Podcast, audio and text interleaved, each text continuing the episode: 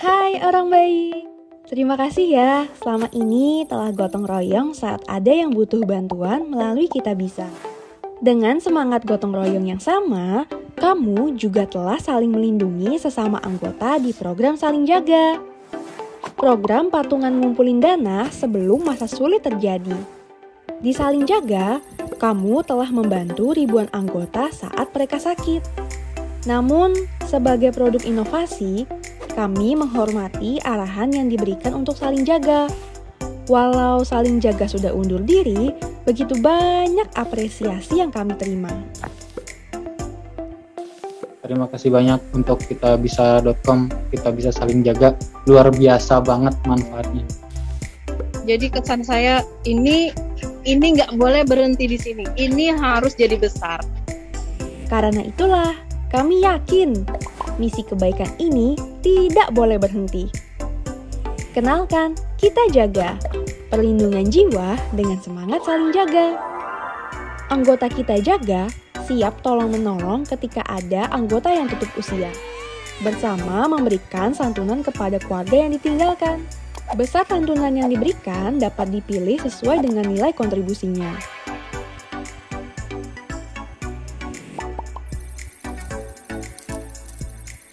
Di Kita Jaga, kamu nggak akan merasa rugi karena kontribusimu dipakai untuk membantu saat ada anggota yang tutup usia. Kamu juga akan tahu siapa anggota lain yang telah kamu bantu. Jadi, ikutan kita jaga sama kayak kamu lagi beramal buat bantu sesama. Tenang, ajukan bantuan di Kita Jaga semudah chat ke teman. Ada Kiki yang akan membantumu dan siap menjawab pertanyaan apa pun darimu. Tinggal chat Kiki aja, kapan pun kamu butuh bantuan.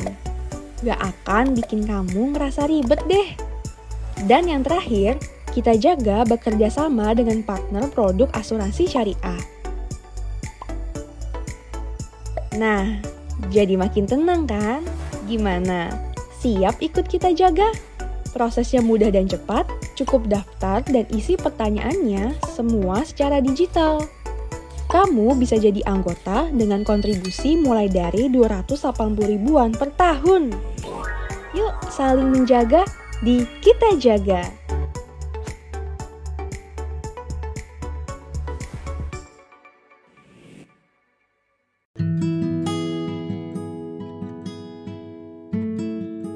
Satu pertanyaan dari Kak Sri Hidarti. Pak, mohon tipsnya manage keuangan bagi generasi sandwich. Thank you Kak Sri.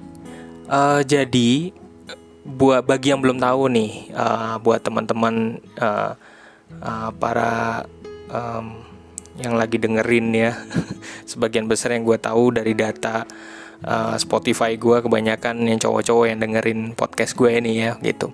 Jadi buat yang nggak tahu ya nanti disiarkan buat yang lain juga generasi sandwich itu sebenarnya uh, istilah ini diperkenalkan pertama kali uh, tahun 1981 oleh seorang profesor ya. Jadi di Amerika Serikat namanya uh, Ibu Dorothy A. Miller ya. Jadi uh, generasi sandwich merupakan generasi orang dewasa yang harus yang hidupnya itu biasanya menanggung tiga generasi. Jadi orang tuanya, diri sendiri sama anaknya gitu ya.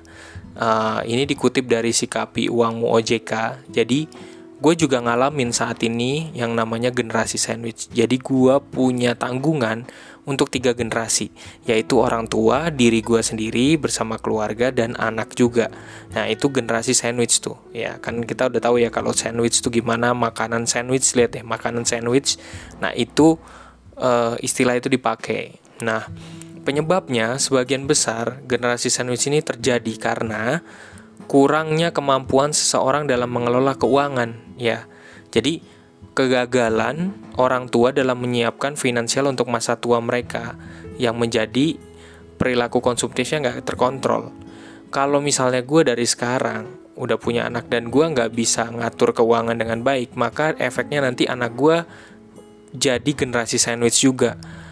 Pada akhirnya dia anak gue akan nanggung biaya hidup gue juga buat anaknya juga gitu. Jadi cuman berulang doang lingkaran setan doang jadinya generasi sandwich itu jadinya. Tapi makanya baik kalau kita dari sekarang mengatur keuangan kita dengan baik gitu. Sehingga nanti pada masa tua kita udah punya dana darurat sendiri udah punya dana pensiun sendiri nah, kita mencoba untuk nabung uh, asuransi kesehatan asuransi jiwa kita mencoba untuk menabung selagi kita mampu ya. Sekali lagi sekali kita ma seka, uh, selagi kita mampu. Tapi buat rata-rata sih masyarakat yang kelas menengah ke bawah itu kesusahan untuk uh, bisa ngatur dana darurat maupun dana pensiun, apalagi dana pensiun ya.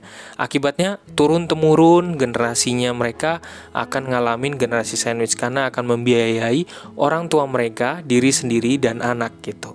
Nah, buat kita yang mampu, buat teman-teman yang lagi dengerin podcast gua ini, bagaimana cara mutus rantai generasi sandwich ya? Sekali lagi, bukan hal yang mudah karena kita harus ya ikat pinggang juga ya. Karena juga pertama kebutuhan finansial tiap saat uh, itu harga kebutuhan juga terus meningkat. Lalu kemudian uh, rantai rantai uh, generasi sandwich itu nggak mudah diputus. Kemudian ada macam-macam kebutuhan ya. Maka gue bisa coba nawarin ya ini juga dari salah satu website ya juga bagus memberikan bagaimana so, beberapa solusi-solusi pendek untuk uh, memutus generasi sandwich ini. Walaupun nggak mudah memutusnya ya. Pertama mulai dari kita sendiri. Kalau orang tua nggak bisa nyatatin arus pemasukan dan pengeluaran keuangan lagi karena mereka udah tua atau mereka udah pensiun, mulai dari kita yang mencatat arus pemasukan dan pengeluaran keuangan. Kita bantu orang tua kita juga mencatat arus pemasukan dan pengeluaran mereka.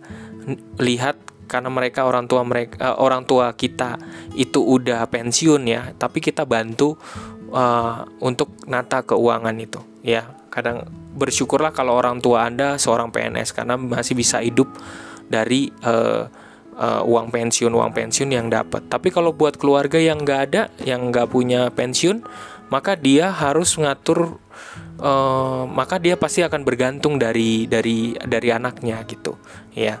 Uh, dan itu harus pemasukan dan pengeluaran itu harus diatur dengan baik. Jadi selagi masih produktif tabungin terus, investasi terus. Jangan terlalu banyak untuk dibuang-buang karena nanti pada saatnya ketika kita udah mulai pensiun, kita akan hidup dengan dana pensiun kita. Kita akan hidup dengan dana darurat kita. Ya karena nggak ada yang biayain lagi. Kalau sampai kita sak, kalau kita sampai di masa tua dan kita nggak punya dana cadangan, dana dana darurat, maka kita akan merepotkan anak karena kita akan berada dalam posisi sekali lagi ya kita akan tetap berada dalam posisi generasi sandwich. Jadi catetin keuangan pengeluaran dan pemasukan karena itu membuat kita disiplin mampu membuat kita melakukan proyeksi. Kedua kelola keuangan dengan bijak. Jadi lakukan apa yang sekali lagi lakukan uh, manage uangnya untuk sesuatu yang penting perlu dan berguna. Sekali lagi ya jangan boros mentang-mentang gaji lo gede maka lo boros. Tetap aja gaji gede itu akan mempengaruhi gaya hidup. Ujung-ujungnya nanti boros kalau kita nggak bisa kelola dengan bijak. Mau kaya, mau miskin, duitnya gajinya gede maupun kecil, lo tetap aja akan ngikutin deh gaya hidup. Maka baiknya ngatur, diatur uh, pengelolaan keuangan ketika lo dapat uh, dapat uh, gaji misalnya. Misalnya uh, 20 persennya langsung dari 100% gaji yang lo terima 20 persennya mau nggak mau lo harus kubur untuk investasi. Nggak boleh dicolek sampai masa tua. 30 persennya itu lo buat uh, siap-siap buat cadangan. 50 persennya lo pakai setiap setiap hari. Udah ikutin itu aturan itu. Aturan itu walaupun kadang-kadang kita langgar, tetapi akan membentuk konstruksi bagi diri kita karena manusia punya kemampuan untuk melakukan proyeksi. Sekali lagi ya, manusia punya kemampuan untuk melakukan proyeksi. Jadi kalau dia disiplin, dia membuat aturan main pada dirinya sendiri, maka itu akan membantu. Itu pengalaman dari gue sendiri ya. Nah, terus kemudian jangan sampai lupa kalau misalnya ternyata gajinya kurang, lu harus nambahin sumber penghasilan. Kalau ternyata udah dari gaji aja gua minus, lu harus nambahin sumber penghasilan. Lu cari invest di mana kek atau jualan kek. Itu harus nambah sumber penghasilan. Kalau nggak nanti boncos, tetap aja boncos. Ya.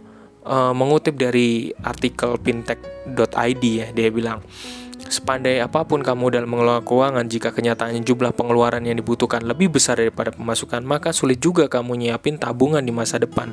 Itu dia. Jadi akan kesulitan gitu. Nah, kita harus pinter-pinter juga uh, apa milih uh, milih mencari sumber penghasilan baru yang menjadi solusi. Harus harus dicari, tetap harus dicari. Karena itu gue selalu tekenin juga uh, beberapa kali gue neken juga ke adik gue nah ini juga buat info aja ya. Jadi buat teman-teman yang hanya bergantung pada uh, apa ya namanya pada yang mungkin di antara yang yang dengar ini teman-teman yang lagi dengar itu ada jadi driver gokar atau driver gojek. Kalau dananya ternyata keuangannya kurang cukup lu harus cari tambahan. Gak bisa. Karena karena kalau misalnya jadi driver gokar maupun gojek kadang-kadang itu penghasilannya nggak stabil. Maka lu harus pinter-pinter. Ya harus pinter-pinter cari cara. Lu jualan jualan gorengan kayak pagi hari lu uh, bikin les kayak ikut di les jadi guru les di ruang guru. Uh, ya terus lu daftar di ruang guru lu ngelesin dapat pemasukan.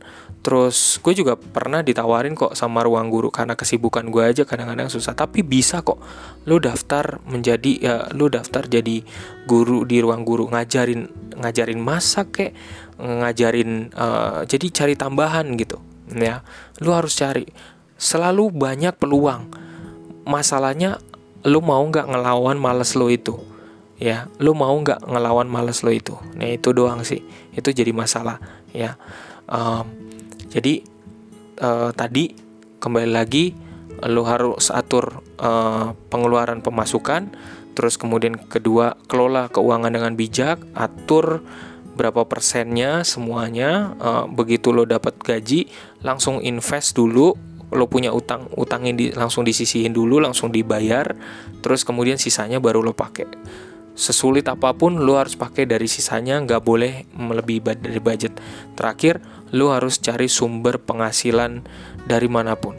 Manusia itu kreatif tergantung dari males mal, mau mau atau enggaknya malas atau tidaknya. Itu aja sih. Demikian dari gua tips dari gua. Semoga ini menginspirasi buat kita semua. Terima kasih